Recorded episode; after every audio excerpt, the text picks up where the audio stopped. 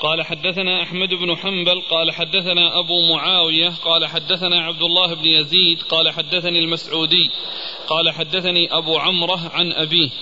قال أتينا رسول الله صلى الله عليه وآله وسلم أربعة نفر ومعنا فرس فأعطى كل إنسان منا سهما وأعطى للفرس سهمين. ثم ورد أبو داود حديث ابن عمر. أبي أبي عمرة. أبي أبي عمرة. وهو أنهم جاءوا إلى النبي صلى الله عليه وسلم وهم أربعة ومعهم فرس فأعطى كل واحد سهما وأعطى للفرس سهمين وأعطى للفرس سهمين وهذا مطابق للذي تقدم وهو أن الفارس له ثلاثة أسهم سهم له وسهمان لفرسه. قال حدثنا أحمد بن حنبل عن أبي معاوية عن عبد الله بن يزيد. أحمد بن حنبل وأبو معاوية مر ذكرهما وعبد الله بن يزيد هو المقري المكي ثقة أخرجه أصحاب كتب الستة. عن المسعودي المسعودي هو عبد الرحمن بن ابن ابن عبد الله. بن عبد الله بن عتبة وهو صدوق اختلط. صدوق اختلط وحديثه البخاري تعليقا وأصحاب السنن أخرجه البخاري تعليقا وأصحاب السنن عن أبي عمرة. عن أبي عمرة وهو مجهول. وهو مجهول أخرج له أبو داود. أخرج له أبو داود. عن ابيه عن أبيه واخرج له. ما نعرف هذا أبا. ما, ما وجدنا شيء. ما وجد ترجمة. الإسناد فيه مجهول ولكن معناه مطابق لما جاء في الأحاديث من ناحية أن أن الشخص له سهم وأن الفرس يكون له سهمان. آه هنا عندنا أحمد بن حنبل عن أبي معاوية عن عبد الله بن يزيد. نعم. وبمراجعه التحفه قال أحمد بن حنبل قال حدثنا عبد الله بن يزيد ولم يذكر أبا معاوية التحفة إيه نعم هو نعم في طبقة أقول في طبقة شيوخ شيوخ أبي داود أقول في طبقة شيوخ شيوخ أبي داود وهو من هو يروي عن من؟ عن عبد الله بن يزيد المقري عن المسعودي. عن المسعودي. ما أدري يعني هل يعني أنه يروي عنه بواسطة أنه يروي عنه بواسطة أو أنه يروي عنه يروي عنه بدون واسطة؟ أقول لا أدري يعني ما هو هو عبد الله بن يزيد المقري هذا. لكنه هو في طبقة شيوخ شيوخ أبي داود.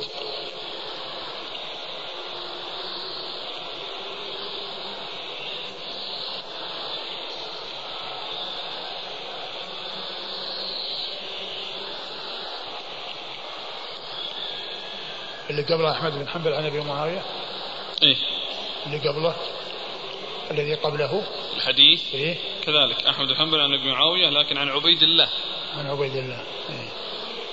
نعم. قال حدثنا مسدد قال حدثنا أمية بن خالد قال حدثنا المسعودي عن رجل من آل أبي عمرة عن أبي عمرة بمعناه إلا أنه قال ثلاثة نفر. زاد فكان للفارس ثلاثة أسهم. ثم ورد أبو داود الحديث من طريق أخرى وهو مثل ما تقدم. فيه ثلاثة نفر هناك أربعة نفر. أربعة نفر. الحديث الأول أتينا رسول الله صلى الله عليه وسلم أربعة نفر ومعنا فرس. أي نعم. هنا قال ثلاثة نفر. ولكن النتيجة واحدة من ناحية الإسهام. من ناحية الإسهام أن الواحد له سهم والفرس صاحبه ذات أسهم سهم له وسهمان لفرسه.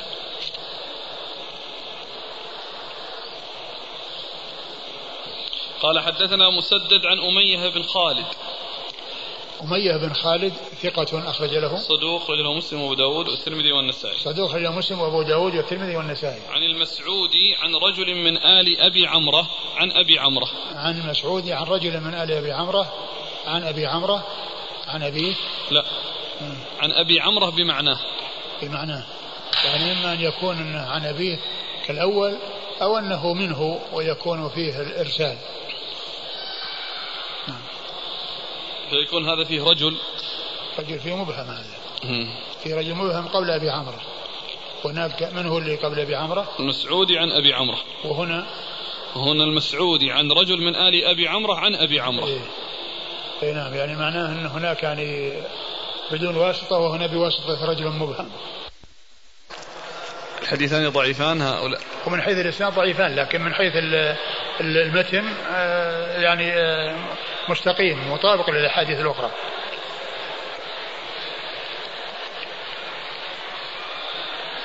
يكون هذا من تخليط المسعودي. ما أدري. قال رحمه الله تعالى باب في من أسهم له سهما.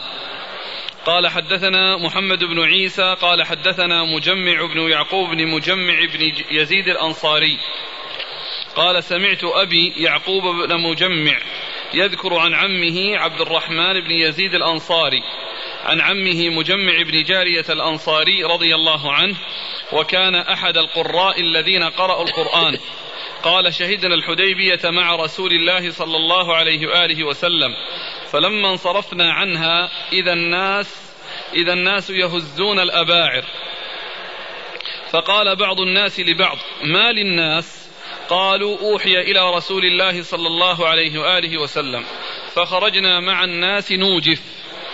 فوجدنا النبي صلى الله عليه وآله وسلم واقفا على راحلته عند كراع الغميم. فلما اجتمع عليه الناس قرأ عليهم إنا فتحنا لك فتحا مبينا. فقال رجل يا رسول الله أفتح هو؟ قال نعم. والذي نفس محمد بيده إنه لفتح. فقسمت خيبر فقسمت خيبر على أهل الحديبية. فقسمها رسول الله صلى الله عليه وآله وسلم على ثمانية عشر سهما. وكان الجيش ألفا وخمسمائة. فيهم ثلاثمائة فارس فأعطى الفارس سهمين وأعطى الراجل سهما. قال أبو داود حديث أبي معاوية أصح والعمل عليه. وأرى الوهم في حديث مجمع أنه قال ثلاثمائة فارس وكانوا مئتي فارس. ثم أورد أبو داود آه، حديث باب في من أسهم له سهما. باب في من أسهمه يعني الفرس. في من أسهم للفرس سهما واحدا. لأن الباب الأول في في السهمان للفرس. وذكر أن فيه أن وذكر فيه الأحاديث التي فيها أن أنه يكون له سهمان. وهي صحيحة. وأورد بعد ذلك هذه الترجمة من أسهم له سهما يعني للفرس سهما واحدا. بدل ما يعطى اثنين يعطى سهم واحد كالرجل. أورد فيه أبو داود حديث مجمع بن جارية رضي الله عنه وأنهم كانوا في غزوة الحديبية وأن وأنه لما يعني فتحت خيبر وأنها قسمت على أهل على أهل أهل الحديبية وكان الذين حضروا الحديبية يعني حضروا خيبر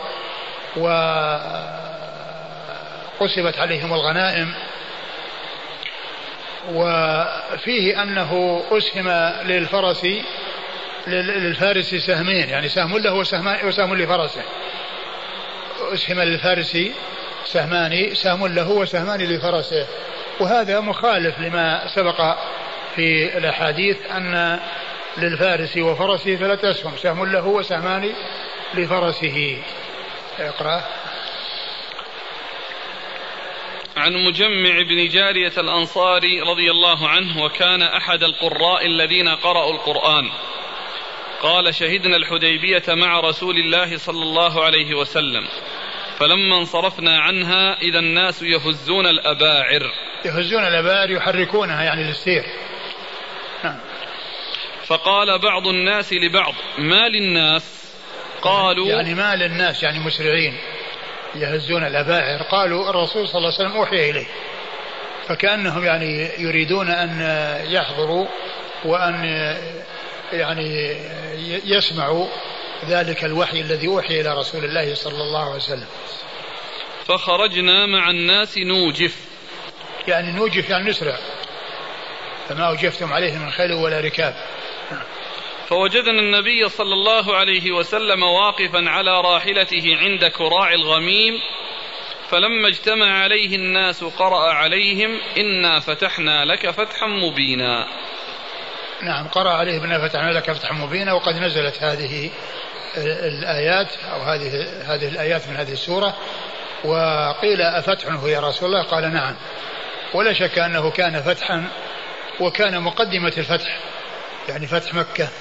لأن هذا الصلح الذي قد تم حصل فيه الخير الكثير. حصل فيه الخير الكثير وترتب على ذلك آه، يعني آه، مصالح كبيرة للمسلمين ثم بعد ذلك حصل الفتح يعني بعد خيبر يعني بعد بعد صلح الحديبية بسنتين. لأن الحديبية في السادسة وخيبر في السابعة والفتح في الثامنة. فقسمت خيبر على أهل الحديبية. قسمها رسول الله صلى الله عليه وسلم على ثمانية عشر سهما. وكان الجيش ألفا وخمسمائة. فيهم ثلاثمائة فارس. فأعطى الفارس سهمين وأعطى الراجل سهما.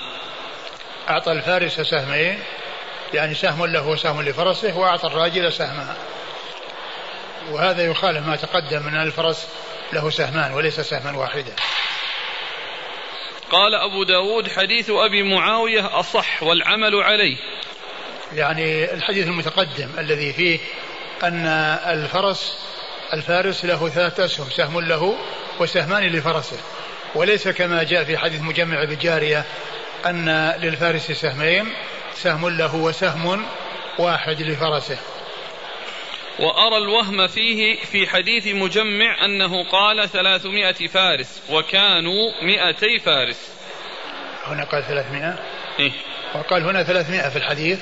قال وأن الصحيح أنهم مئتي فارس. وإذا كانوا مئتي فارس وهم آه هم على الصحيح أنهم 1400 1400 فيكون آه آه يبقى بعد ذلك آه، يعني بعد بعد هذا أربعة.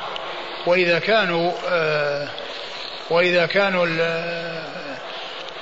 يعني مئتي فارس يعني معناه يصير ال يصير ال لكل واحد يعني طبعا هو يصير للفرس يعني سهمان لأنه إذا صاروا 200 وكل واحد أخذ نصيبه من 1400 لأنه واحد منهم من من حيث أنه يعني بشخصه يبقى بعد ذلك 400 فوق ال 1400 يعني آه، تصير يعني آه، وهي 200 فرس يكون يكون 400 400 بالإضافة إلى 1400 يصير 1800 يعني يصير 18 سهم.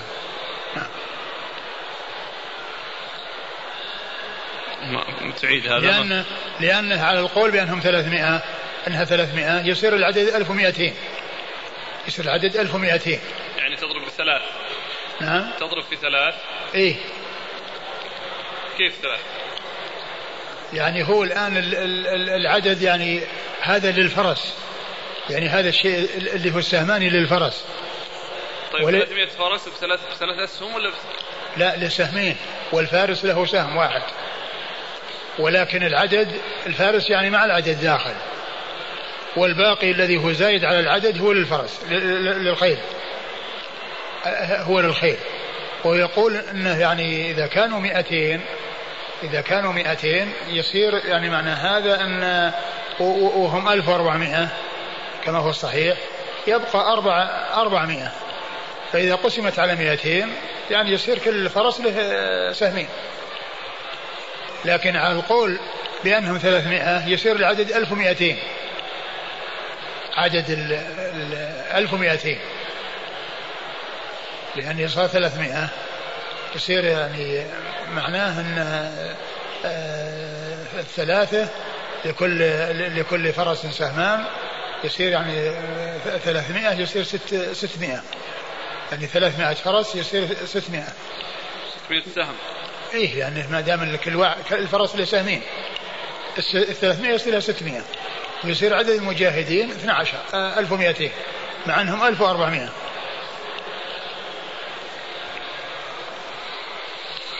قال حدثنا محمد بن عيسى. محمد بن عيسى هو الطباع وهو ثقة أخرج له البخاري تعليقا البخاري تعليقا وأبو داود. وأبو داود والترمذي في الشمائل والنسائي وابن ماجه. عن مجمع بن يعقوب بن مجمع بن جارية عن بن يزيد. عن مجمع بن يعقوب وهو صدوق أخرج أبو داود والنسائي. صدوق أخرج أبو داود والنسائي. عن عن عن أبيه يعقوب بن مجمع. عن أبيه يعقوب مجمع وهو مقبول. نعم أخرج أبو داود. أخرج له أبو داود. عن عمه عبد الرحمن بن يزيد. عن عمه عبد الرحمن بن يزيد وهو ولد في حياة النبي صلى الله عليه وسلم وذكره ابن حبان في ثقات التابعين. نعم. أخرجه البخاري وأصحاب السنن. أخرجه البخاري وأصحاب السنن. عن عمه مجمع بن جارية. عن مجمع عمه مجمع بن جارية رضي الله عنه وحديثه أخرجه أبو داود والترمذي وابن ماجه. أبو داود الترمذي وابن ماجه. وفيه يعقوب هذا الذي هو مقبول و فيكون الحديث يعني غير صحيح. ويكون الصحيح هو الحديث المتقدم الذي هو أن للفارس ثلاثة أسهم سهم له وسهمان لفرسه. قال رحمه الله تعالى باب في النفل. والترجمة اللي راحت باب باب من؟ في من أسهم له سهما. في من أسهم له أي للفرس. وهذا على اعتبار أن الفرس مذكر لأن الضمير مذكر الآن. أسهم له ما قال لها. ومعلوم أن الفرس يذكر ويؤنث. الفرس يذكر ويؤنث. وكما قلت فيما مضى أن التذكير والتأنيث يعرف بالضمائر. يعرف بالضمائر وبالإشارات. يعني يعرف أنه مذكر ومؤنث. وهنا ذكره بلفظ المذكر يعني على أنه يذكر. وهو كذلك أيضا يؤنث. لأنه آه، يطلق على هذا وعلى هذا. نعم. باب في النفل. نعم. قال حدثنا وهب بن بقية قال أخبرنا خالد عن داود عن عكرمة عن ابن عباس رضي الله عنهما قال قال رسول الله صلى الله عليه وآله وسلم يوم بدر من فعل كذا وكذا فله من النفل كذا وكذا. قال فتقدم الفتيان ولزم المشيخة الرايات فلم يبرحوها. فلما فتح الله عليهم قال المشيخة كنا ردءا لكم. لو انهزمتم لفئتم إلينا. فلا تذهبوا بالغنم بالمغنم. كذا مكتوب عندنا بالغنم. بالمغنم. بالغنم أو بالغنم الغنم بالمغنم. المغنم ولا الغنم إذا كان لا هي الظاهر في العون في المغنم بالميم. بالمغنم. على كل كان المغنم بالميم وإن كان بدون ميم فهي الغنم. فلا تذهبوا بالمغنم ونبقى فأبى الفتيان. وقالوا جعله رسول الله صلى الله عليه وآله وسلم لنا فأنزل الله يسألونك عن الأنفال قل الأنفال لله والرسول إلى قوله كما أخرجك ربك من بيتك بالحق وإن فريقا من المؤمنين لكارهون يقول فكان ذلك خيرا لهم فكذلك أيضا فأطيعوني فإني أعلم بعاقبة هذا منكم ثم أورد أبو داود باب في النفل. والنفل هو ما يعطى المجاهد في سبيل الله زيادة على السهم. قيل له نفل لأنه نافلة يعني زيادة زائد. والنفل هو الزيادة والنافلة الزيادة. فهو ما يعطاه زيادة على نصيبه من المغنم. هذا هو المقصود بالنفل. أورد أبو داود حديث. ابن عباس. ابن عباس إيش قال؟ قال رسول الله صلى الله عليه وسلم يوم بدر من فعل كذا وكذا فله من النفل كذا وكذا. فتقدم الفتيان ولزم المشيخة الرايات فلم يبرحوها. فلما ف... الرسول صلى الله عليه وسلم قال من فعل كذا فله نفل يعني كذا وكذا. يعني معناه أنه يعطى زيادة على السهم كذا وكذا. مثل فل... السلب يعني مثل السلب إلا أن ذاك من قتل قتيلا فله سلبه وهذا يقول من عمل كذا فله كذا. يعني آه شيء يعني محدد. آه لا من أجل أنه قتل إنسان ولا من لكن من أجل أنه قام بجهد يعني خاص. مثل ما مثل ما سيأتي في قصة السرية التي أعطى كل واحد منهم آه، بعيرا يعني تنفيلا يعني زيادة على الأسهم. نعم فتقدم الفتيان ولزم المشيخة الرايات فلم يبرحوها. تقدم الفتيان ولزم المشيخة يعني الكبار. المشيخة الكبار لزموا الرايات فلم يبرحوها. نعم. فلما فتح الله عليهم قال المشيخة كنا ردءا لكم لو انهزمتم لفئتم إلينا فلا تذهبوا بالمغنم ونبقى. فلما فتح الله عليهم قال المشيخة أن نحن ردء لكم. يعني لو انهزمتم لصرتم إلينا لأنهم يعني وقاية لهم ومرجع لهم يعني يرجعون إليهم. نعم. فلا تذهبوا بالمغنم ونبقى. فأبى الفتيان وقالوا جعله رسول الله صلى الله عليه وآله وسلم لنا. فأنزل الله يسألونك عن الأنفال قل الأنفال لله والرسول. فلم يوافق الفتيان على ما طلبه منهم الكبار وأنزل الله عز وجل يسألونك عن الأنفال قل الأنفال لله والرسول. يعني يضعها يعني حيث يشاء. وال والمغنم يعني كما هو معلوم آه، يشترك فيه الجميع. ولكن النفل هو الذي يختص به من يكون له جهد خاص. نعم. إلى قوله كما أخرجك ربك من بيتك بالحق وإن فريقا من المؤمنين لكارهون. يقول فكان ذلك خيرا لهم فكذلك أيضا فأطيعوني فيما أعلم, فيما أعلم بعاقبة هذا منكم فإني أعلم بعاقبة هذا منكم. يعني أطيعوني فيما يعني أمركم به وفيما أقول لكم فإني أعلم بعاقبة ذلك منكم. يعني الرسول صلى الله عليه وسلم يعني يعلم العاقبة لهذا الأمر والنتيجة لهذا الأمر وأن ذلك خير لهم إذا أطاعوه واستجابوا لما يأمرهم به. ولو كان آه، في ذلك شيء من التفاوت يعني يكون أحد يعطى من أجل قيامه بجهد خاص وأما الغنيمة فيشترك فيها الجميع. الأخير هذا المعنى يقول فكان ذلك خيرا لهم. فكذلك أيضا فأطيعوني فإني أعلم بعاقبة هذا منكم. يعني أطيعوني فإني أعلم بعاقبة منكم. يعني هذا الذي أمرهم به بأن من من فعل كذا فله كذا. و فيكون المشيخة الذين لم يحصل لهم نصيب من ذلك. آه، آه، يعني يسمعون ويطيعون لما أمر به رسول الله صلى الله عليه وسلم ولهذا قال فاتقوا الله وأصلحوا ذات بينكم. يعني هذا الذي حصل بينكم من الخلاف يعني آه، اعملوا على إصلاحه وعلى إزالته. المشيخة يقولون فلا تذهبوا بالمغنم. أي نعم بس هو المقصود بال الذي يريدون النفل هذا. وأما المغنم هو الجميع. المغنم سيكون للجميع لأن النفل هو زيادة على المغنم زيادة على الأسهم. وهذا من أجل جهد يعني بذلوه من فعل كذا فله كذا من فعل كذا فله كذا. المغنم سيكون للجميع وإنما النفل هو الذي يكون لبعض الأشخاص الذين قاموا بأعمال. لأن العبارة فلا تذهبوا بالمغنم ونبقى. نعم هكذا قال. يعني المغنم يعني معناه أن كان المقصود به الحظ الأكبر. الحظ الأكبر. أو أنهم فهموا بأن أنه لا يكون لهم نصيب. مع أن النفل يعني كما هو معلوم زايد على الغنيمة زايد على الأسهم. أين قال حدثنا وهب بن بقية. وهب بقية الواسطي. وهو ثقة أخرجه مسلم وأبو داود النسائي. ثقة أخرجه مسلم وأبو داود النسائي. عن خالد. عن خالد بن عبد الله الواسطي الطحان. ثقة أخرجه أصحاب كتب الستة. عن داود عن عكرمة. عن داود وهو بن أبي هند. وهو ثقة أخرج البخاري تعليقا ومسلم وأصحاب السنة. ثقة أخرجه البخاري تعليقا ومسلم وأصحاب السنة. عن عكرمة مولى ابن عباس. ثقة أخرجه أصحاب كتب الستة. عن ابن عباس وقد مر ذكره.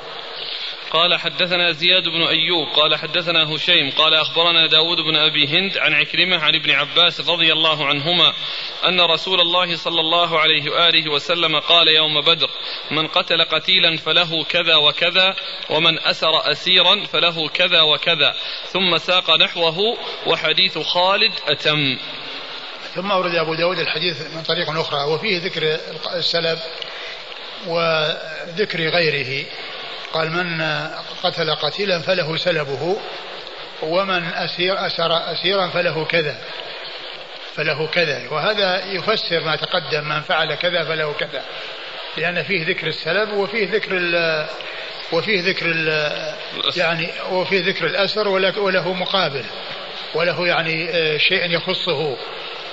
وهذا آه، يعني يتميز به. من فعل ذلك عن أصحاب الغنيمة الذين يأخذون نصيبهم من الغنيمة نعم. قال حدثنا زياد بن أيوب زياد بن أيوب ثقة أخرج له. البخاري وأبو داود والترمذي والنسائي. البخاري وأبو داود والترمذي والنسائي. عن هشيم. عن هشيم بن بشير الواسطي ثقة أخرج له أصحاب كتب الستة. عن داود بن أبي هند عن عكرمة عن ابن عباس. وقد مر ذكرهم قال حدثنا هارون بن محمد بن بكار بن بلال. قال حدثنا يزيد بن خالد بن موهب الهمداني. قال حدثنا يحيى بن زكريا بن أبي زائدة. قال أخبرني داود بهذا الحديث بإسناده. قال فقسمها رسول الله صلى الله عليه وآله وسلم بالسواء وحديث خالد أتم. وذكر طريقة أخرى وأن النبي صلى الله عليه وسلم قسمها بالسواء يعني الغنيمة يعني بالسوية يعني لا فرق بين شخص وشخص. وهذا لا ينافي ما تقدم من أن النفل الذي هو زائد على القسمة وزائد على الأسهم لجهد خاص لا ينافيه لأن القسمة إنما هي الغنيمة قسمت بينهم بالسواء يعني كل أخذ نصيبه من الغنيمة ولكن آه، النفل والسلب والشيء الذي آه، حصل من بعض الأشخاص فإنهم يتميزون به يأخذونه مع نصيبه من الغنيمة يأخذونه مع نصيبه من الغنيمة فيكون ذلك زائدا على الغنيمة. قال حدثنا هارون بن محمد بن بكار بن بلال. وهو صدوق أخرجه أبو داود النسائي. وهو صدوق أخرجه أبو داود النسائي. عن يزيد بن خالد بن موهب الهمداني. عن يزيد بن خالد بن موهب الهمداني وهو ثقة أخرجه أبو داود النسائي وابن ماجه. وهو ثقة أخرجه أبو داود النسائي وابن ماجه. عن يحيى بن زكريا بن أبي زائدة. يحيى بن زكريا بن أبي زائدة ثقة أخرجه أصحاب الكتب الستة. عن داوود بإسناده. عن داوود بن أبي هند بإسناده وقد مر ذكرهم.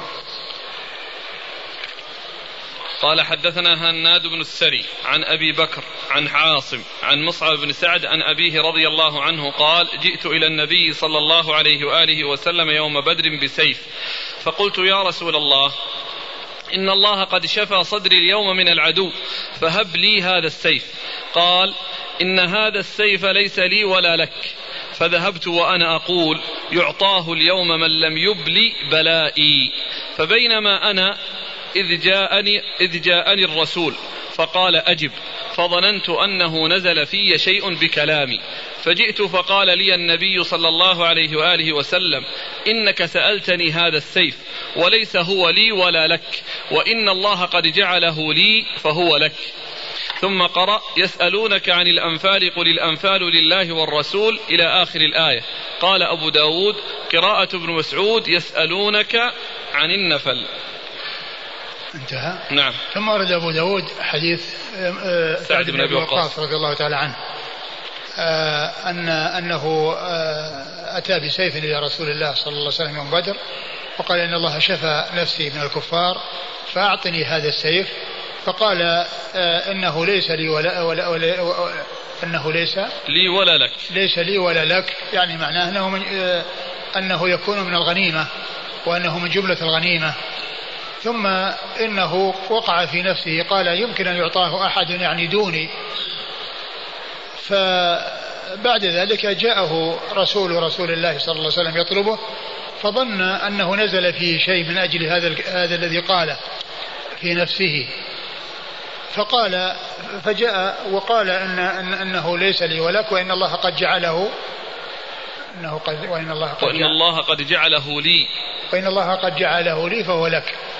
يعني معناه أنه جعل له آه، يعني التنفيل وأنه يعني يعطي ما يشاء فأعطاه إياه نفلا أو نفلا يعني زيادة على الغنيمة وزيادة على سهم من الغنيمة. نعم. قال حدثنا هناد بن السري. هناد بن السري أبو السري ثقة أخرج له البخاري في خلق أفعال العباد ومسلم وأصحاب السنن. عن أبي بكر. عن أبي بكر بن عياش. وهو ثقة أخرجه أصحاب الكتب. وهو ثقة أخرجه أصحاب الكتب الستة. عن عاصم. عن عاصم بن بهدلة وهو ابن أبي النجود وهو صدوق أخرجه أصحاب الكتب الستة والبخاري ومسلم أخرجوا له مقرونا.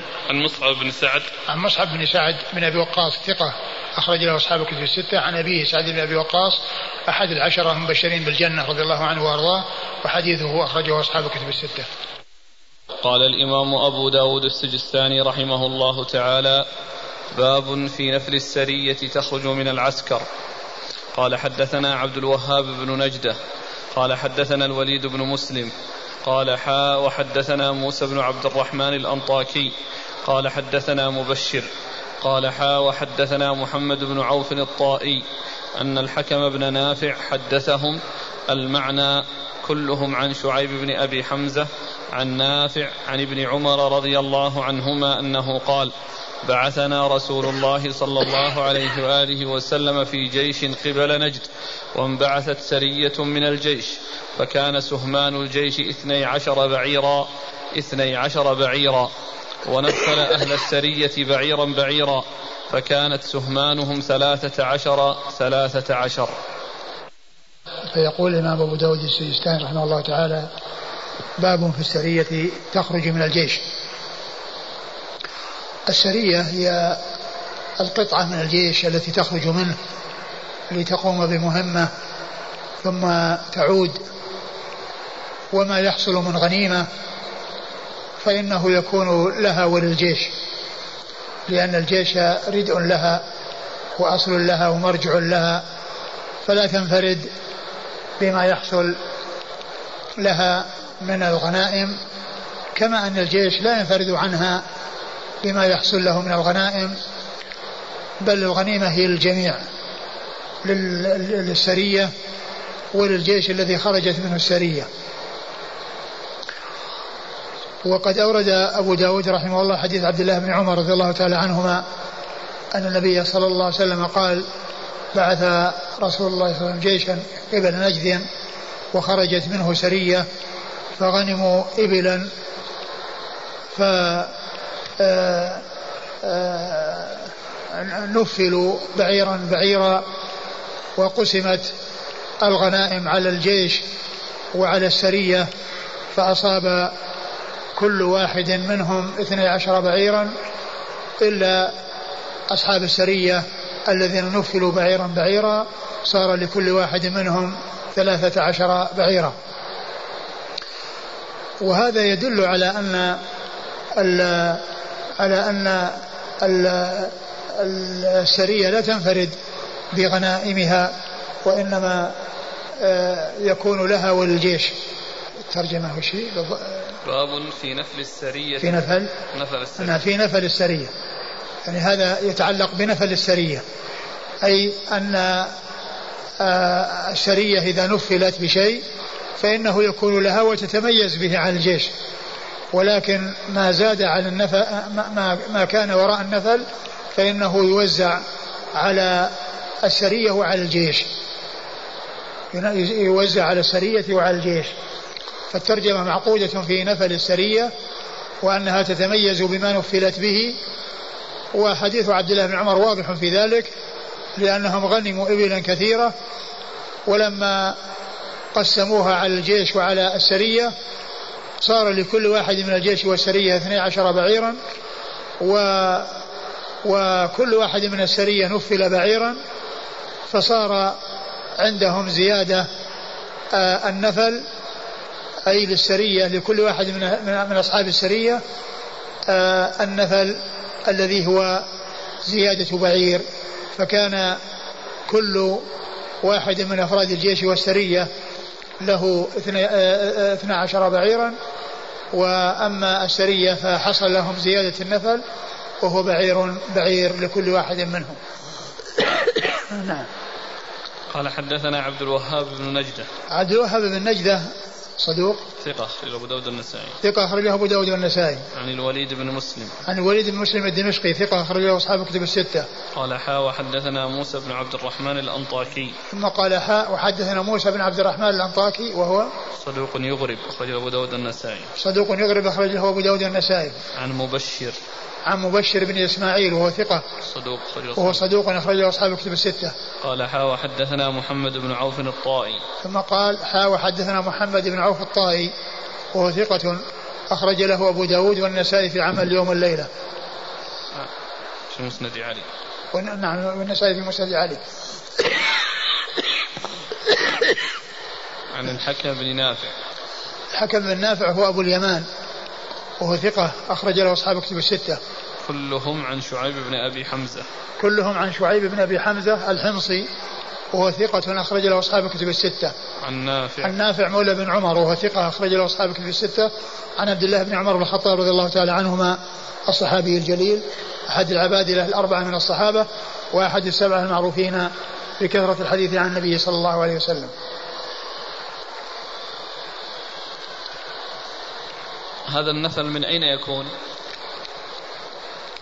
يكون من أصل الغنيمة ويكون من ما من وراء من ما وراء الخمس. يعني يكون من هذا ومن هذا على رأي الإمام. فإذا كان من أصل الغنيمة يخرج قبل التخميس. أي نعم. يعني التخميس يكون بعده. والوجه الثاني؟ الوجه الثاني يحصل التخميس ثم النفل من أربعة الأخماس. النفل يكون من الأربعة الأخماس. يعني بعد بعد التخميس. يعني يظهر من الأربعة الأخماس النفل وما وما وما وراء النفل يقسم على آآ آآ يقسم على ال- ال- الجيش. هذا الوجه الأول. لا. الوجه الأول أنه يخرج النفل أولا ثم يحصل ال ال ال التخميس هذا الوجه الأول. الوجه الثاني أنه يكون التخميس أولا ثم يخرج النفل من الأربعة أخماس. الأربعة الأخماس هي مصروفة للمجاهدين إيش؟ الأربعة أخماس هي مصروفة للمجاهدين. إلا المجاهدين لكن يخرج منها النفل لأنهم هم الذين يعني كانوا سبب الذين أصحاب النفل هم سبب في وجود المال. يعني لهم جهد إذا ميزوا به لا بأس.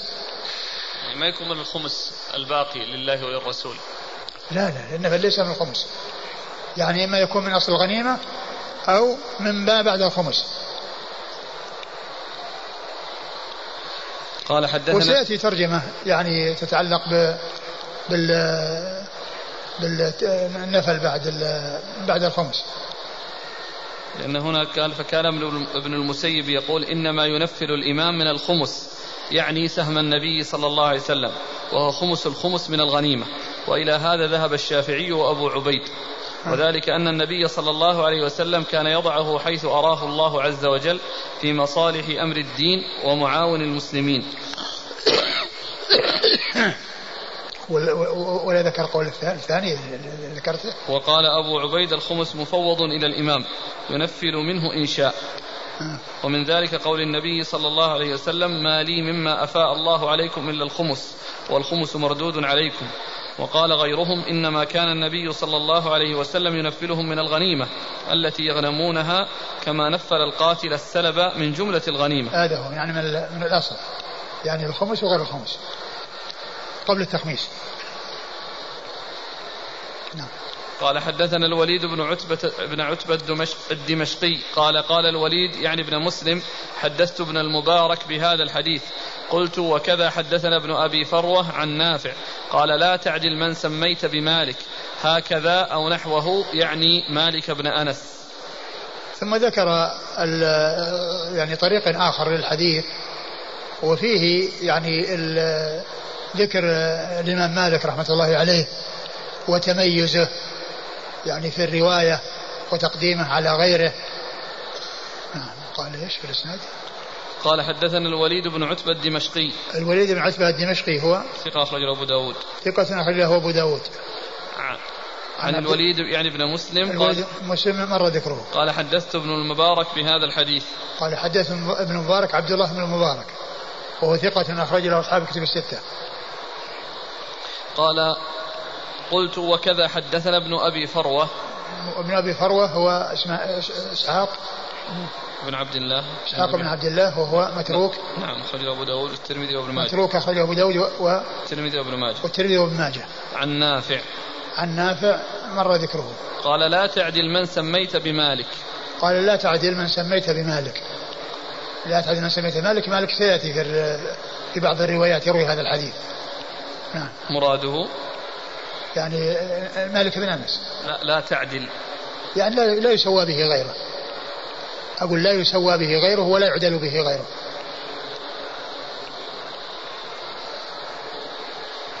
قال حدثنا هناد قال حدثنا عبده يعني ابن سليمان الكلابي عن محمد بن إسحاق عن نافع عن ابن عمر رضي الله عنهما قال بعث رسول الله صلى الله عليه وآله وسلم سرية إلى نجد فخرجت معها فأصبنا نعما كثيرا فنفلنا أميرنا بعيرا بعيرا لكل إنسان.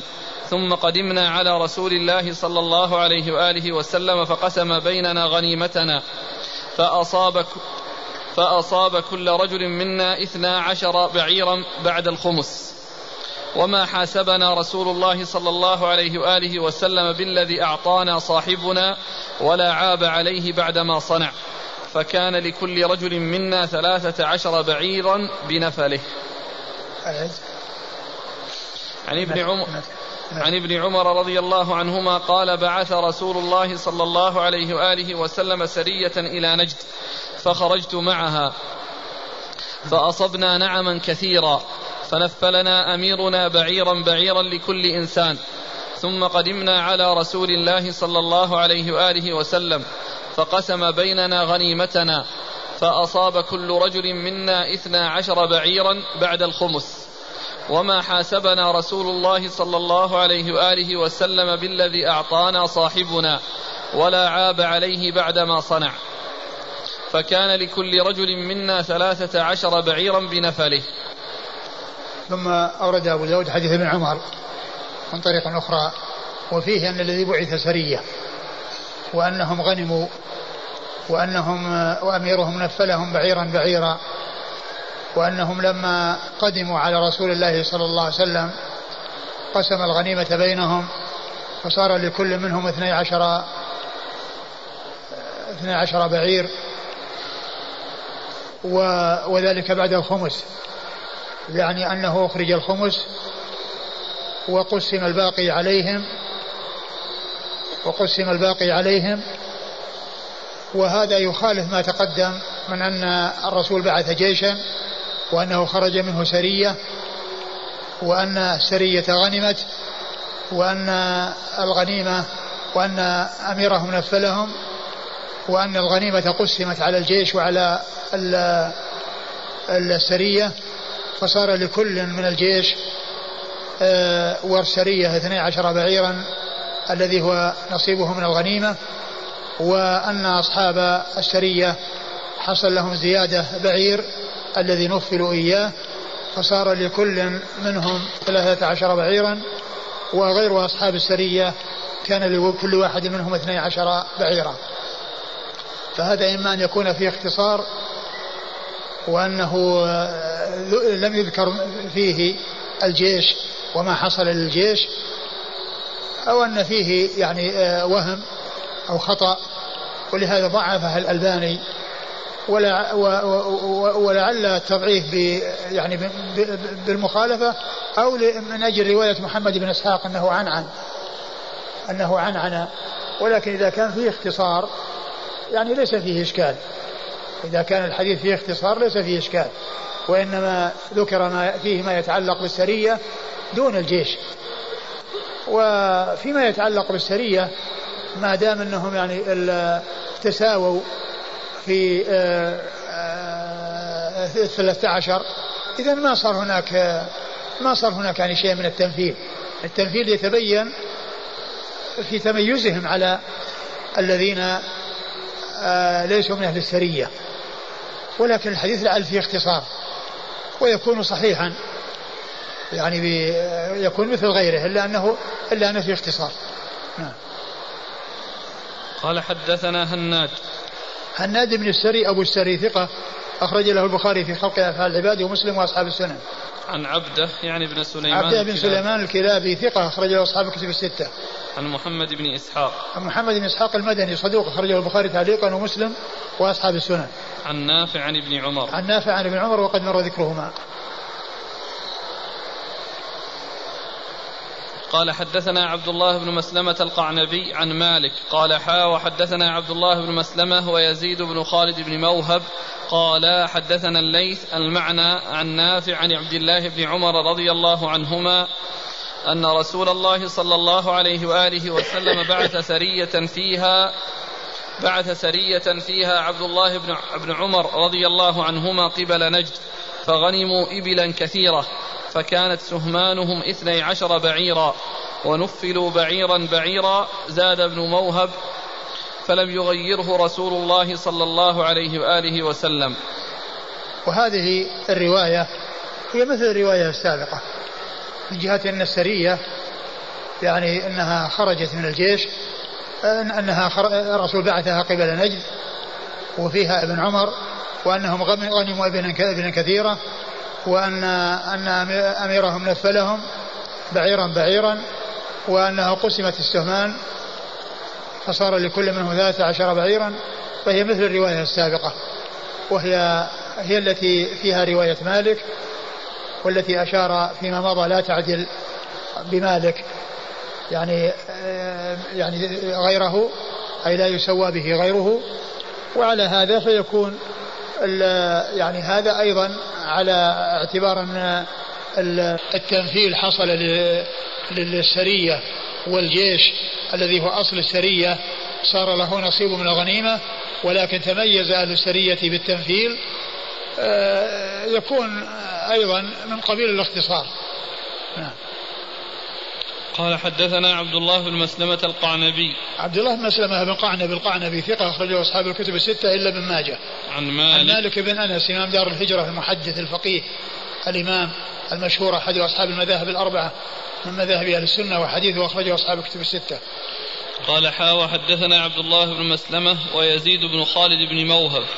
يزيد بن خالد بن موهب هو ثقة أخرج أبو داود والنسائي بن ماجه. ثقة أخرج أبو داود والنسائي بن ماجه. عن الليث. عن الليث بن سعد المصري ثقة أخرجه أصحاب الكتب الستة. عن نافع عن ابن عمر. عن نافع عن ابن عمر وقد مر ذكرهما.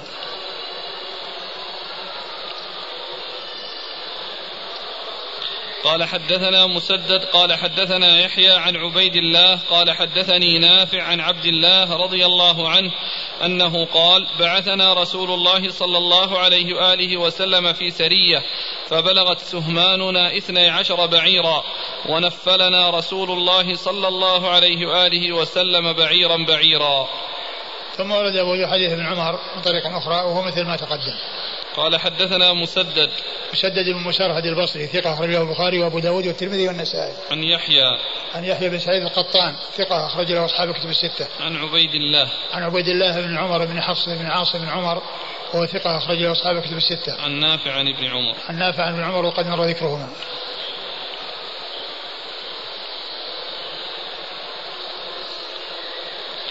قال أبو داود رواه برد بن سنان عن نافع مثل حديث, مثل حديث عبيد الله ورواه أيوب عن نافع مثله إلا أنه قال ونفلنا بعيرا بعيرا لم يذكر النبي صلى الله عليه وآله وسلم.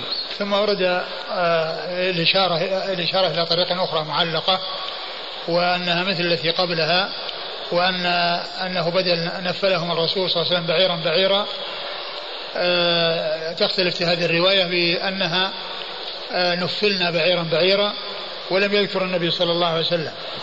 ثم ما جاء في بعض الروايات من أن النبي صلى الله عليه وسلم هو الذي نفل وجاء فيما بعضها أن أميرهم هو الذي نفل. آه، يمكن الجمع بينها بأن يقال لا تنافي بينها بأن يكون الأمير هو الذي نفل والنبي صلى الله عليه وسلم أقر أقر ذلك. فيكون تنفيذ النبي صلى الله عليه وسلم آه، المراد به إقراره وتنفيذ آه، الأمير أمير السرية كونه هو الذي أعلن أن من فعل كذا فله كذا. نعم. قال أبو داود رواه برد بن سنان. برد بن سنان هو صدوق خير البخاري في الأدب المفرد وأصحاب السنن. صدوق أخرجه البخاري في الأدب المفرد وأصحاب السنن. عن نافع مثل حديث عبيد الله. عن نافع مثل حديث عبيد الله الذي تقدم. ورواه أيوب. أيوب بن أبي تميم السختياني ثقة. أخرج له أصحاب الكتب الستة. عن نافع مثله. عن نافع مثله إلا أنه لم يقل إلا أنه قال نفلنا. بعيرا بعيرا ولم يقل ولم يذكر رسول الله صلى الله عليه وسلم. يعني ما ذكر أن المنفل هو الرسول صلى الله عليه وسلم وإنما آه، أبهم وبني للمجهول.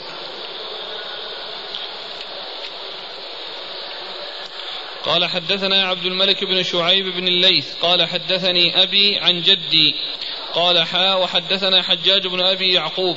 قال حدثني حجين قال حدثنا الليث عن عقيل عن ابن شهاب عن سالم عن عبد الله بن عمر رضي الله عنهما أن رسول الله صلى الله عليه وآله وسلم قد كان ينفل بعض من يبعث من السرايا لأنفسهم خاصة النفل سوى قسم النفل. النفل سوى قسم عامة الجيش والخمس في ذلك واجب في واجب كله. والخمس في ذلك واجب كله.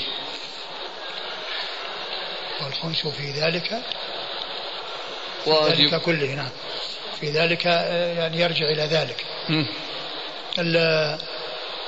أورد أبو داود حديث ابن عمر أن النبي صلى الله عليه وسلم كان يرسل السرايا وأنه ينفلهم أي ينفل آه، السرايا أو بعض السرايا بشيء لأنفسهم دون الجيش.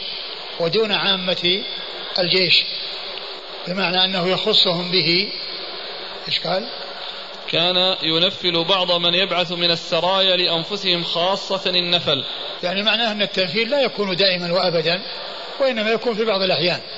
ليس كل جيش ينفل فيه وليس كل سرية ينفل فيها وإنما قد يحصل في بعض الأحيان وقد لا يحصل.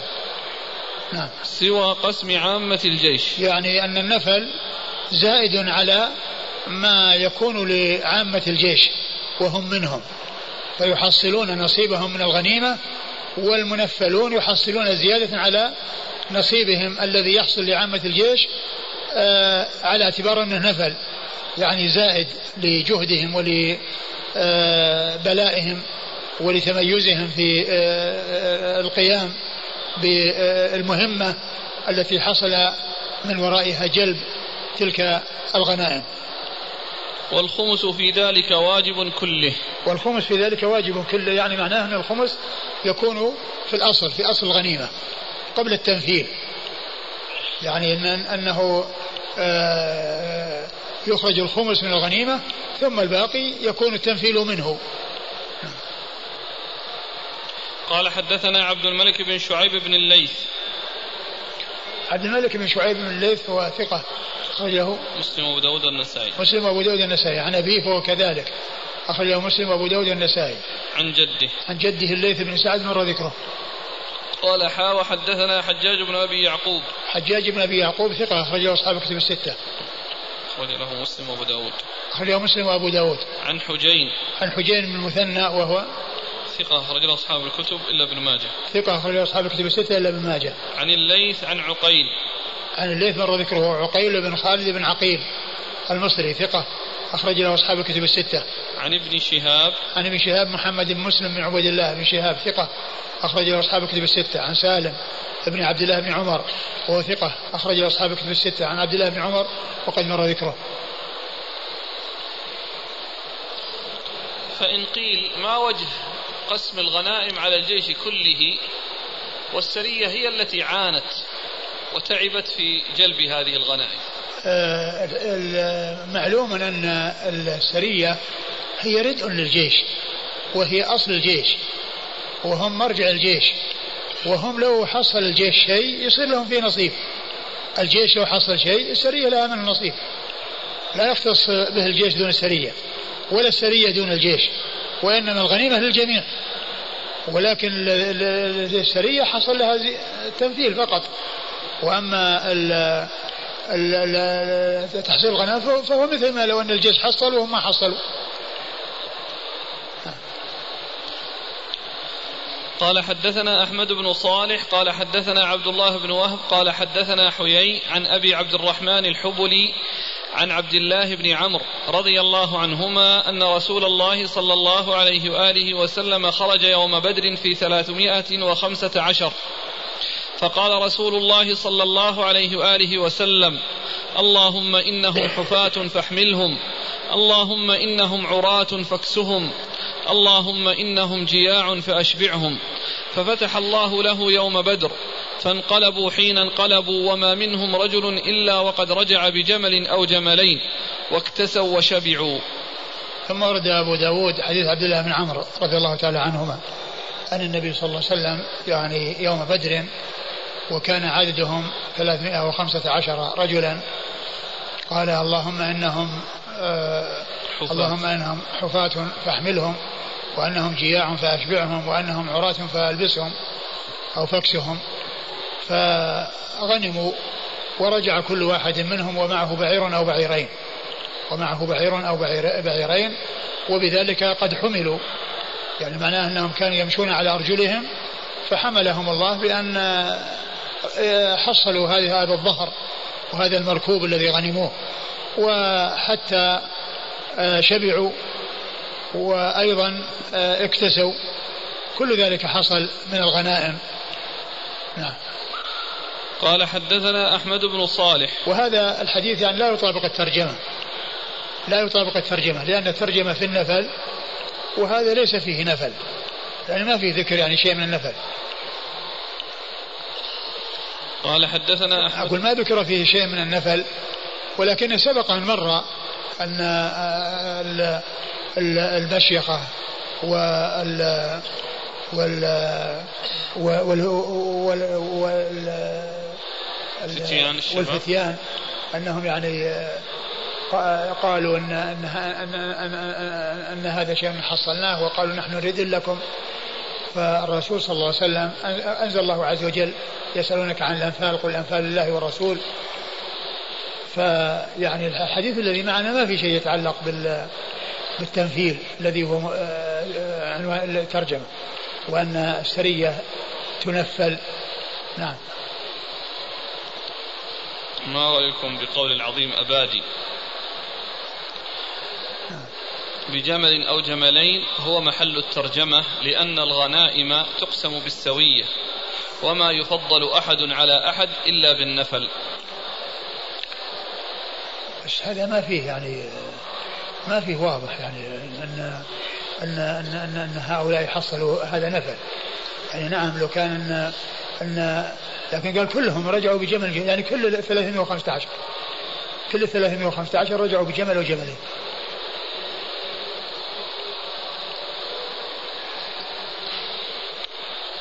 قال حدثنا أحمد بن صالح. أحمد بن صالح المصري ثقة أخرج له البخاري وأبو داود والترمذي في الشمائل. عن عبد الله بن وهب. عبد الله بن وهب ثقة أخرج له أصحاب الكتب الستة. عن حيي.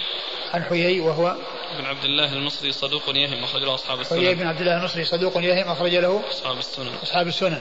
عن أبي عبد الرحمن الحبولي. عن أبي عبد الرحمن الحبولي وهو عبد الله بن يزيد ثقة أخرج البخاري في الأدب المفرد ومسلم وأصحاب السنن. عبد الله بن يزيد أخرج له البخاري في الأدب المفرد ومسلم وأصحاب السنن. عن عبد الله بن عمرو. عن عبد الله بن عمرو بن العاص رضي الله تعالى عنهما وهو أحد العباد الأربعة من الصحابة وحديثه أخرجه أصحاب كتب الستة.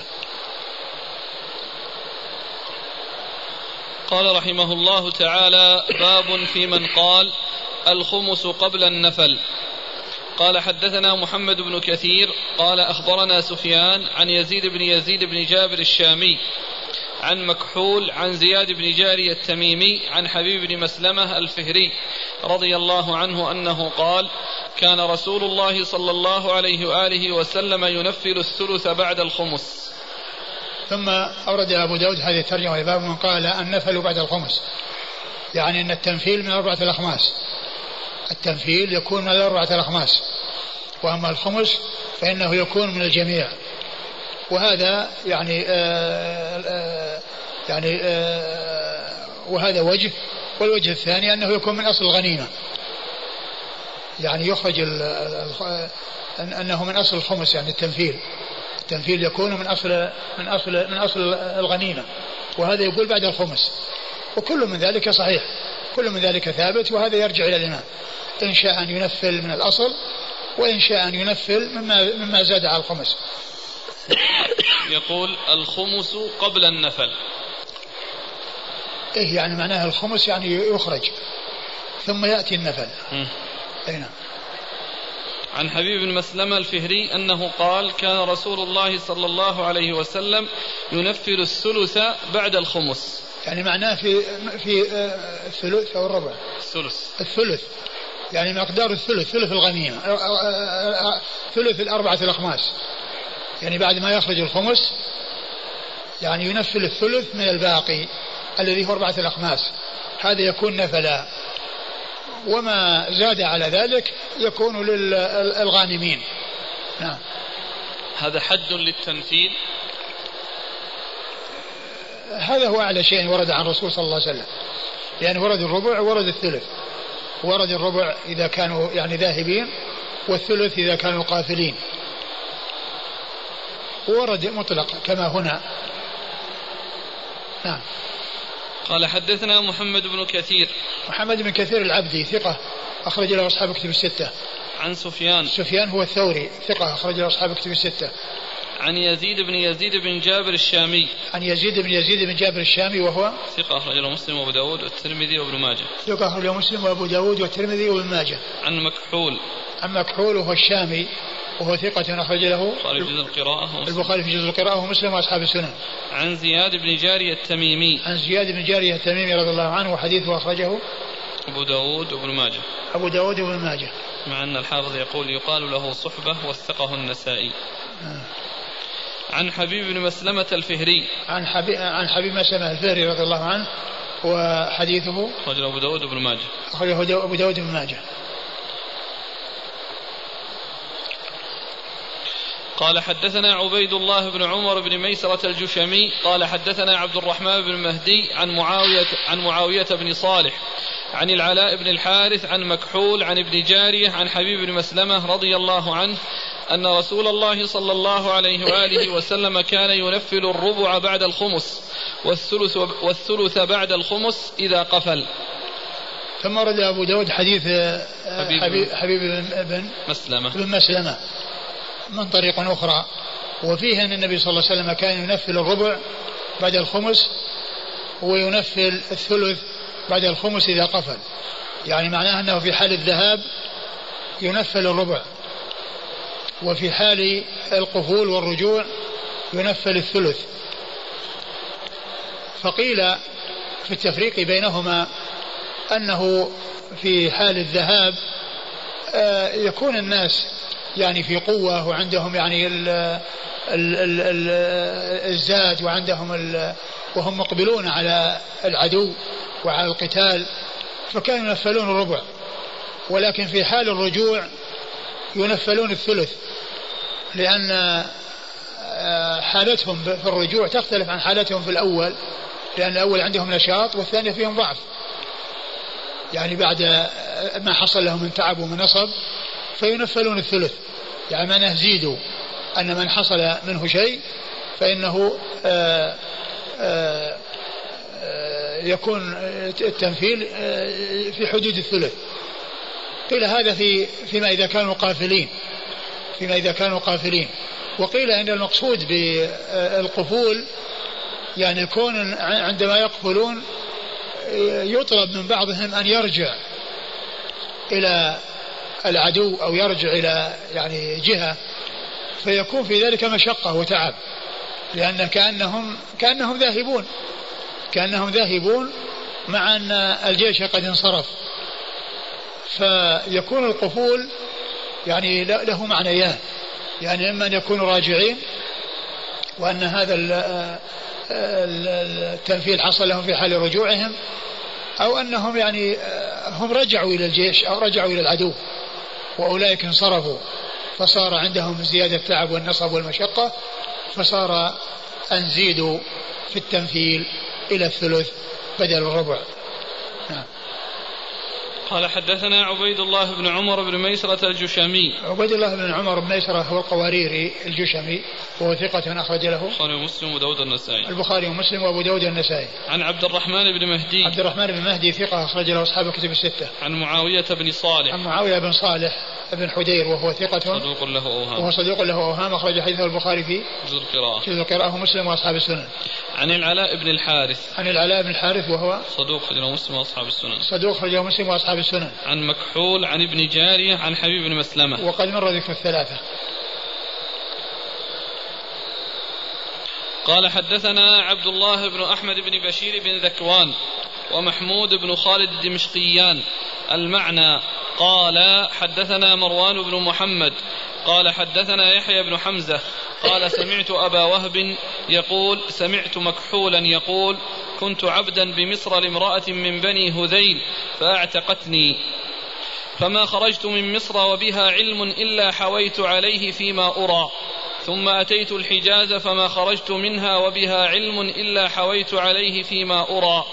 ثم أتيت العراق فما خرجت منها وبها علم إلا حويت عليه فيما أرى. ثم أتيت الشام فغربلتها. كل ذلك أسأل عن النفل. فلم أجد أحدا يخبرني فيه بشيء. حتى لقيت شيخا يقال له زياد بن جارية التميمي. فقلت له هل سمعت في النفل شيئا؟ قال نعم. سمعت حبيب بن مسلمة الفهري رضي الله عنه يقول شهدت النبي صلى الله عليه وآله وسلم نفل الربع في البدءة والثلث في الرجعة. ثم ورد أبو داود حديث حبيب مسلمة من طريق أخرى وهو مثل الذي قبله. وفيه هذه القصة لمكحول الدالة على عنايته وعلى آه، اشتغاله بالعلم وأخذ العلم وأن أنه إذا حل في بلد ينتهز الفرصة فيحرص على لقاء الشيوخ والأخذ عنهم لأن الإنسان إذا قدم بلدا فهو لن يبقى فيه ولن يستمر فيه فيجد الفرصة سانحة لأن يبذل جهده لأخذ ما عند علماء ذلك البلد من العلم. والجلوس إليهم والاستفادة منهم وقال إنه كان عبدا لامرأة من هذيل في مصر فأعتقته وأنه آه، ما خرج من مصر إلا وقد حوى ما فيها من علم فيما يظن ثم جاء إلى الحجاز وكذلك ثم ذهب إلى العراق وكذلك ثم جاء إلى الشام وقال وغربلتها يعني معنى أنه اجتهد في أخذ ما فيها من العلم وكان في آه، آه، يسأل عن النفل. فوجد زياد بن جارية يحدث عن حبيب مسلمة أن النبي صلى الله عليه وسلم كان ينفل الربع في البدء والثلث في الرجعة. وهو مثل آه، المتن هو مثل الطرق المتقدمة. نعم.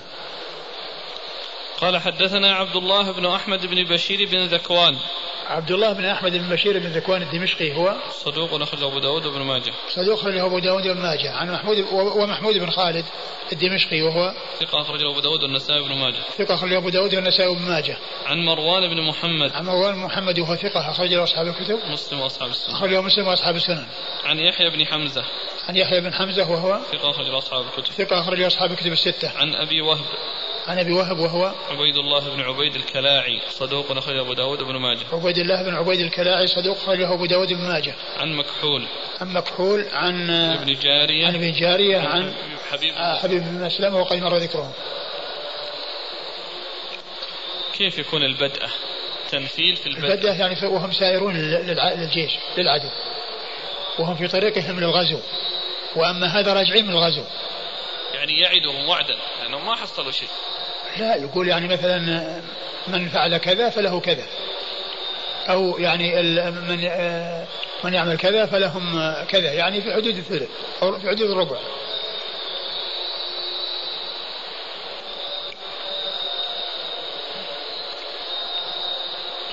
كلام الخطابي كأنه يقصد يعني السرية اللي تخرج من العسكر من الجيش.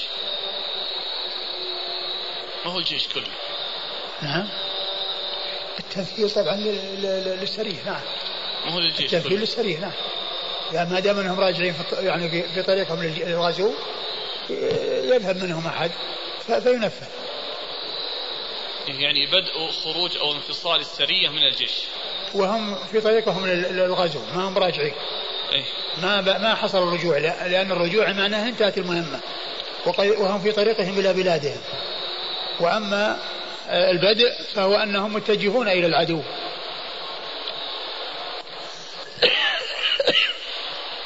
قال رحمه الله تعالى باب في السرية ترد على أهل العسكر. قال حدثنا قتيبة بن سعيد قال حدثنا ابن أبي عدي عن ابن إسحاق هو محمد ببعض هذا. قال حا وحدثنا عبيد الله بن عمر بن ميسرة قال حدثني هشيم عن يحيى بن سعيد جميعا عن عمرو بن شعيب عن أبيه عن جده رضي الله عنه قال قال رسول الله صلى الله عليه وآله وسلم المسلمون تتكافأ دماؤهم يسعى بذمتهم أدناهم ويجير عليهم أقصاهم وهم يد على من سواهم يرد مشدهم على مضعفهم. ومتسريهم على قاعدهم. لا يقتل مؤمن بكافر ولا ذو عهد في عهده. ولم يذكر ابن إسحاق القود والتكافؤ. ثم ورد أبو داود هذه الترجمة باب في السرية ترد على أهل المعسكر أهل العسكر. آه، أي ترد ما غنمت؟ المحذوف المفعول محذوف. السرية ترد ما غنمت يعني لا تنفرد به. لا تنفرد السرايا بالغنائم التي تحصلها لأن الجيش ردء لها فهو شريك لها. كما أن الجيش لو غنم فإنهم أيضا هم معه الذين هم السرايا. لا ينفرد الجيش عن السرية ولا السرية عن الجيش. المقصود من الترجمة هنا أن السرية ترد ما غنمت على العسكر ولا تنفرد. بالشيء الذي حصلته. وإنما تنفرد بالتنفيذ إذا كان في تنفيذ تنفرد بالتنفيذ إذا كان هناك تنفيذ وأما آه، أصل الغنيمة فإنها لها وللجيش الذي انفردت منه وانفصلت منه. ثم أورد أبو داود حديث عبد الله بن عمرو رضي الله تعالى عنهما أن النبي صلى الله عليه وسلم قال المسلمون تتكافأ دماؤهم ويسعى بذمتهم أدناهم. تتكافأ دماؤهم يعني أنهم أكفاء بعضهم لبعض أكفاء معناها أن أنه يقتل الحر بالحر سواء كان المقتول شريفا والقاتل وضيعا أو العكس. يعني أو كان هذا كبير وهذا صغير. المقتول صغير والقاتل كبير. المسلمون تتكافأ دماؤهم. لا ينظر لكون هذا شريف هذا كبير هذا صاحب منزلة وهذا دونه أو هذا كبير أو هذا صغير. آه، وصف الإسلام يعني آه، سوى بينهم واشتركوا بهذا الوصف فلا يميز فيه أحد عن أحد. نعم. تكافؤ دماءهم ويسعى بذمتهم أدناهم. يعني معناها أنه آآ آه، آآ إذا حصل من أحد منهم يعني آه، آه، آه، إعطاء يعني أمان لأحد ولو كان من أدناهم كأن يكون عبدا أو يكون أمة أو حر أو, أو امرأة فإن أمانه معتبر. ولو كان ليس من الرجال وليس من المقدمون بل أدناهم كالعبد والأمة فإنه يعتبر أمانه. و... ويجير عليهم أقصاهم. ويجير عليهم أقصاهم. ويجير عليهم أقصاهم. يعني من يكون يعني بعيدا آه، يعني آه، يحصل جواره.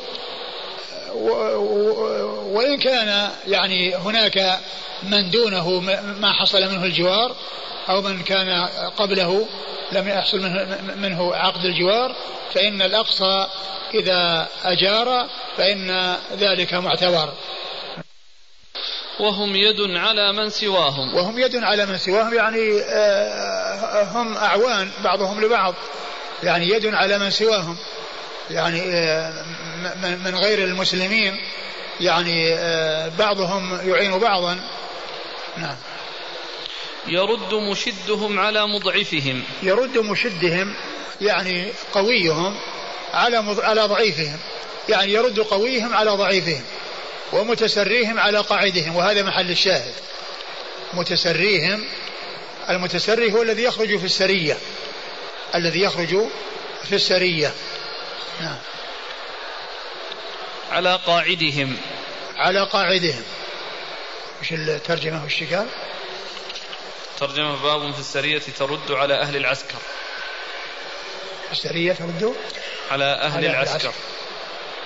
ترد على أهل العسكر ما غنمت يعني. على العسكر ما غنمت. يعني معناها أن أن قاعدهم الذي يعني ما خرج في السرية. الذي ما خرج في السرية. يعني معناه أنه له, له نصيب من من من, من الغنيمة. نعم. لا يقتل مؤمن بكافر. لا يقتل مؤمن بكافر. نعم. ولا ذو عهد في عهده. ولا ذو عهد في عهده يعني في وقت عهده ومدة عهده. يعني ما دام معاهدا فإنه لا يجوز حتى ينقض عهده أو ينبذ إليه عهده. يعني ويعلن آه، يعني آه، يعني آه، ترك العهد. ثم بعد ذلك يكون هناك مجال للمقاتلة. نعم. ولم يذكر ابن إسحاق القود والتكافؤ. ولم يذكر ابن إسحاق القود والتكافؤ يعني في قوله تتكافأ دماؤهم والقود لا يقتل مؤمن بكافر؟ نعم. طيب وهذا على عمومه؟ بعض أهل العلم يقول على عمومه. على عمومه. قال حدثنا قتيبة بن سعيد. قتيبة بن سعيد بن جميل بن طريف البغلاني ثقة أخرجه أصحاب الكتب الستة. عن ابن أبي عدي. ابن أبي عدي وهو محمد بن إبراهيم. ابن إبراهيم ابن مسلم آه، صدوق أخرجه أصحاب الكتب الستة. ثقة. ثقة أخرجه أصحاب الكتب الستة. عن ابن إسحاق هو محمد ببعض هذا. عن ابن إسحاق مر ذكره. قال حاوى حدثنا عبيد الله بن عمر بن ميسرة عن هشيم. هشيم بشير الواسطي ميسرة مر ذكره. هشيم هشيم بشير الواسطي ثقة أخرجه أصحاب الكتب الستة. عن يحيى بن سعيد. عن يحيى بن سعيد. عن عمرو بن شعيب. عن يحيى بن سعيد هو الأنصاري ثقة أخرجه أصحاب الكتب الستة. عن عمرو بن شعيب وهو صدوق أخرجه البخاري في جزء القراءة وأصحاب السنن. عن أبيه عن أبيه وهو صدوق أيضا أخرجه البخاري في جزء القراءة والأدب المفرد وأصحاب السنن عن جده وهو عبد الله بن عمرو وهو جد شعيب لأن شعيب هو محمد وقد سمع شعيب من جده عبد الله وهو وعبد الله بن عمرو آه، مر ذكره.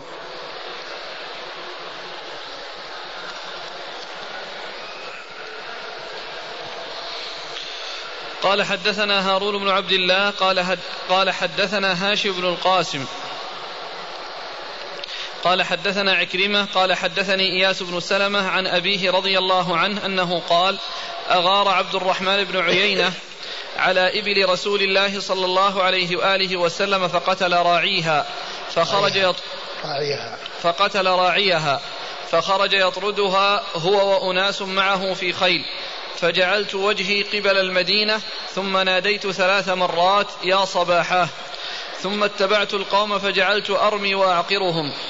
فإذا رجع إلي فارس جلست في أصل شجرة حتى ما خلق الله شيئا من ظهر النبي صلى الله عليه وآله وسلم إلا جعلته وراء ظهري. وحتى ألقوا أكثر من ثلاثين رمحا وثلاثين بردة يستخفون منها. ثم أتاهم عيينة مددا فقال ليقم إليه نفر منكم. فقام إلي أربعة منهم فصعدوا الجبل. فلما أسمعتهم قلت أتعرفوني؟ قالوا ومن أنت؟ قلت أنا ابن الأكوع والذي كرم وجه محمد صلى الله عليه وآله وسلم. لا يطلبني رجل منكم فيدركني ولا أطلبه فيفوتني. فما برحت حتى نظرت إلى فوارس رسول الله صلى الله عليه وآله وسلم يتخللون الشجر. أولهم الأخرم الأسدي. فيلحق بعبد الرحمن بن عيينة ويعطف عليه عبد الرحمن فاختلفا طعنتين فعقر الأخرم عبد الرحمن وطعنه عبد الرحمن فقتله.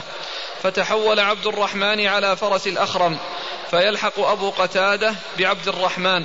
فاختلفا طعنتين فعقر بأبي قتادة وقتله أبو قتادة. فتحول أبو قتادة على فرس الأخرم ثم جئت إلى رسول الله صلى الله عليه وآله وسلم وهو على الماء الذي جليتهم عنه ذو قرد. فإذا نبي الله صلى الله عليه وآله وسلم في خمسمائة فأعطاني سهم الفارس والراجل. ثم ورد أبو داود الترجمة. نفس الترجمة. لا باب سرية ترد يعني ثم ورد أبو داود حديث سلم بن الأكوع رضي الله تعالى عنه. أن إبل رسول الله صلى الله عليه وسلم أخذت وقتل راعيها وكان الذي قام بذلك عبد الرحمن بن عيينة ومعه جماعة. ف لما علم بذلك قام سلم بن الأكوع رضي الله عنه ونادى واستقبل المدينة ونادى يا صباحا. وهذه كلمة يقولونها عند الفزع وعند حث الناس على النفير. لهذا الذي يدعون له. فكان أن آه، لحق بهم ويعقر يعني آه، آه، جواد يعني أفراسهم و حتى أنه وإذا انتبه له أحد لاذ بشجرة واختفى فيها حتى خلف جميع النعم التي أخذت للرسول صلى الله عليه وسلم وراء ظهره. وحتى أنهم هم ولوا هاربين وحتى أنهم رموا شيئا من متاعهم يريدون التخفف من لما أصابهم من الذعر. ثم جاءهم مدد. فصعد على مكان مرتفع ويعني آه، طلب من بعضهم أن آه، يعني يتصدى له وأن يذهب إليه. فلما خاطبهم وأسمعهم قال تعرفوني أنا فلان لابن الأكوع؟ وأنه لا يطلبني أحد أطلب أحدا فيفوتني لا أطلب أحدا منكم فيفوتني. ثم إنه رأى آه، طلائع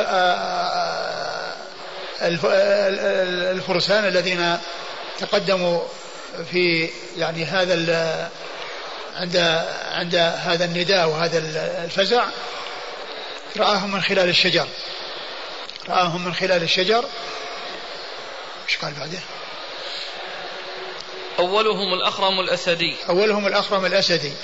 يعني أول هؤلاء الفرسان. فتلاقى مع عبد الرحمن بن عيينة فكل منهما ضرب الآخر.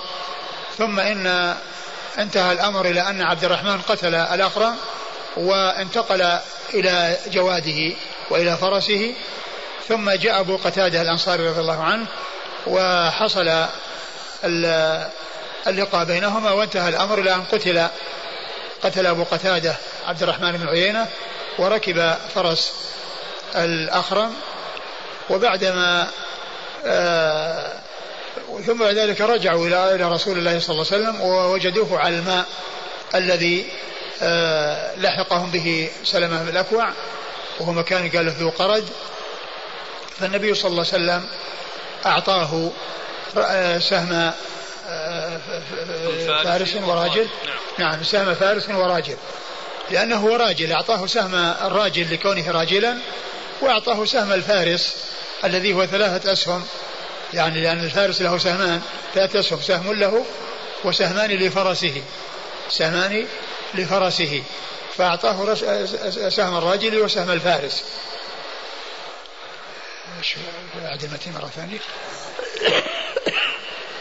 عن سلمة رضي الله عنه قال أغار عبد الرحمن بن عيينة على إبل رسول الله صلى الله عليه وآله وسلم فقتل راعيها فخرج يطردها هو وأناس معه في خيل. الضمير فخرج يطردها هو. هذا اللي هو عبد الرحمن بن عيينة. فجعلت وجهي قبل المدينة ثم ناديت ثلاث مرات يا صباحا. ثم اتبعت القوم فجعلت أرمي وأعقرهم. نعم. فإذا رجع إلي فارس جلست في أصل شجرة. حتى ما خلق الله شيئا من ظهر النبي صلى الله عليه وآله وسلم إلا جعلته وراء ظهري. الظهر المقصود به الإبل. المقصود به الإبل الظهر ظهر النبي صلى الله عليه وسلم أي إبله التي أخذت. كلها خلفها وراءه وأولئك هربوا. وحتى ألقوا أكثر من ثلاثين رمحا وثلاثين بردة يستخفون منها. يعني يستخفون منها يعني إذا تخفف عنهم لشدة الذعر الذي أصابهم والهروب. يعني هذا يعني يريدون أن يتخففوا حتى تسرع دوابهم. ثم أتاهم هذا يقول الشاعر ألقى الإيش؟ كي يخفف رحله ألقى الإيش؟ بيت من الشعر. يعني يفيد أن أنه يعني ألقى للتخفف والزاد حتى نعله ألقاها. ألقى كذا حتى كي يخفف رحله كلمة يعني نسيتها. ألقى إيش؟ ألقى؟ ها؟ ألقى الصحيفة؟ ألقى الصحيفة نعم ألقى الصحيفة كي يخفف رحله وازداد حتى نعله ألقاها. نعم. سجل عليها النعال. لا يعني معناه كأن هذا هزيل يعني. أقول هزيل. ثم أتاهم عيينة مددا فقال ليقم إليه نفر منكم. فقام إلي أربعة منهم فصعدوا الجبل. فلما أسمعتهم قلت أتعرفوني؟ قالوا ومن أنت؟ قلت أنا ابن الأكوع. والذي كرم وجه رسول وجه محمد صلى الله عليه وآله وسلم. لا يطلبني رجل منكم فيدركني ولا أطلبه فيفوتني. يعني هذا يعني يعني على أن الواحد منكم لا يطلبني فيدركني وأما أنا لا أطلب أحدا فيفوتني. نعم. فما برحت حتى نظرت إلى فوارس رسول الله صلى الله عليه وآله وسلم يتخللون الشجر أولهم الأخرم الأسدي. فيلحق بعبد الرحمن بن عيينة ويعطف عليه عبد الرحمن فاختلفا طعنتين فعقر الأخرم عبد الرحمن وطعنه عبد الرحمن فقتله. فتحول عبد الرحمن على فرس الأخرم. فيلحق أبو قتادة بعبد الرحمن فاختلفا طعنتين فعقر بأبي قتادة وقتله أبو قتادة فتحول أبو قتادة على فرس الأخرم. ثم جئت إلى رسول الله صلى الله عليه وآله وسلم وهو على الماء الذي جليتهم عنه ذو قرد. فإذا نبي الله صلى الله عليه وآله وسلم في خمسمائة فأعطاني سهم الفارس والراجل. يعني معناها أن هذا الذي حصله أبو قتادة الذي حصله اللي هو آه، سلمة يعني ما أخذه وإنما رده يعني إلى الجيش يعني وإلى الذين خرجوا يعني تابعين لهؤلاء يعني الذي حصله من هذه الأشياء التي رموها والتي آه، حصلوا عليها يعني غير الإبل التي طلبت لأن الإبل طلبت هي لهم في الأصل وليست غنيمة. وإنما رجع إليهم حقهم ولكن الغنيمة هي الشيء الذي حصلوه. نعم. قال حدثنا هارون بن عبد الله. هارون بن عبد الله الحمال البغدادي ثقة أخرج له مسلم وأصحاب السنن. عن هاشم بن القاسم. هاشم بن القاسم ثقة أخرج له أصحاب الكتب الستة. عن عكرمة. عن عكرمة بن عمار وهو صدوق يغلط. صدوق يغلط. أخرج له البخاري تعليقا ومسلم وأصحاب السنن. البخاري تعليقا ومسلم وأصحاب السنن. عن إياس بن سلمة. عن إياس بن سلمة بن الأكوع وهو ثقة أخرج له أصحاب الكتب الستة. عن أبيه سلمة وهو صحابي أخرج له أصحاب الكتب الستة. قال رحمه الله تعالى باب في النفل من الذهب والفضة ومن أول مغنم. قال حدثنا أبو صالح محبوب بن موسى قال أخبرنا أبو إسحاق الفزاري عن عاص بن كليب عن أبي الجويري الجرمي قال أصبت بأرض الروم جرة حمراء فيها دنانير في إمرة معاوية رضي الله عنه وعلينا رجل من أصحاب النبي صلى الله عليه وآله وسلم من بني سليم يقال له معن بن يزيد رضي الله عنهما فأتيته بها فقسمها بين المسلمين وأعطاني منها مثل ما أعطى رجلا منهم. ثم قال لولا أني سمعت رسول الله صلى الله عليه وآله وسلم يقول لا نفل إلا بعد الخمس لا أعطيتك. ثم أخذ يعرض علي من نصيبه فأبيت. ثم ورد أبو داود باب في النفل من الذهب والفضة ومن أول مغنم. يريد من وراء ذلك أن النفل يكون في الذهب والفضة وفي غيرها. وليس خاصا في يعني في الأمور الأخرى التي هي الإبل و وكذلك الخيل وغير ذلك بل يكون أيضا في الذهب والفضة. يكون فيه النفل. من أتى بشيء كذا فله كذا. يعني من أتى بشيء فله ربعه أو فله منه كذا شيء معين. آه، لا بأس بذلك ويكون في الذهب والفضة كما يكون في غيرها. أورد أبو داود ومن أول مغنم. ومن أول مغنم يعني كأن المقصود به يعني أنه من أول الغنيمة يعني من أصل الخمس من من أصلها يعني يكون من أصلها. يعني مثل مثل ما تقدم في الأو فيما مضى. أنه يكون من من أول الغنيمة وليس من بعد التخميس. عن أبي الجويري الجرمي قال أصبت بأرض الروم جرة حمراء فيها دنانير. قال ابن الجويرية. أبي الجويرية أبي الجويرية الجرمي قال أصبت بأرض الروم جرة فيها دنانير.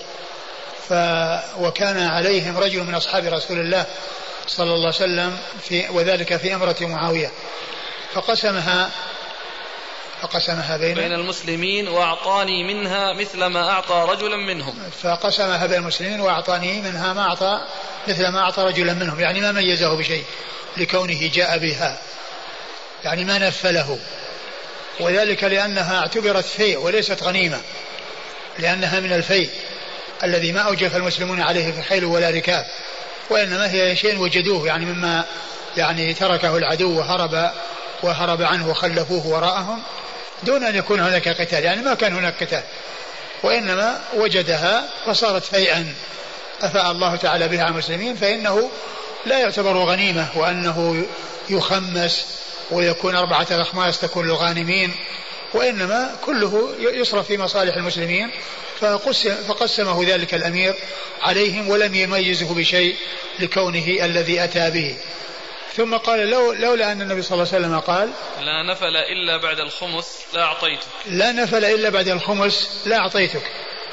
لأن قوله لا نفل إلا بعد الخمس يعني منع في الغنائم. لأن الغنائم هي التي تخمس. وأما الفئ فإنه لا يخمس. الغنائم هي التي تخمس والفئ لا يخمس. فهنا قال لولا أن النبي قال لا نفل إلا بعد الخمس لا نفل إلا بعد الخمس يعني يدل على أن التنفيل إنما يكون في الغنائم وأن الفيء لا يكون فيه التنفيل لأنه ما حصل فيه جهد خاص. يعني من ناحية آه، شيء بذل في آه، النكاية بالأعداء وقتالهم حتى ميز فمحل الشاهد من الترجمة قوله لولا أن النبي صلى الله عليه وسلم قال لا نفل لأعطيتك وكان للموضوع دنانير يعني قول الذهب والفضة هنا قال دنانير لولا أن يعني الرسول قال كذا لأعطيتك يعني معناه لو كان هذا غنيمة لأعطيتك وميزتك وأعطيتك نفلا. هذا هو محل الشاهد.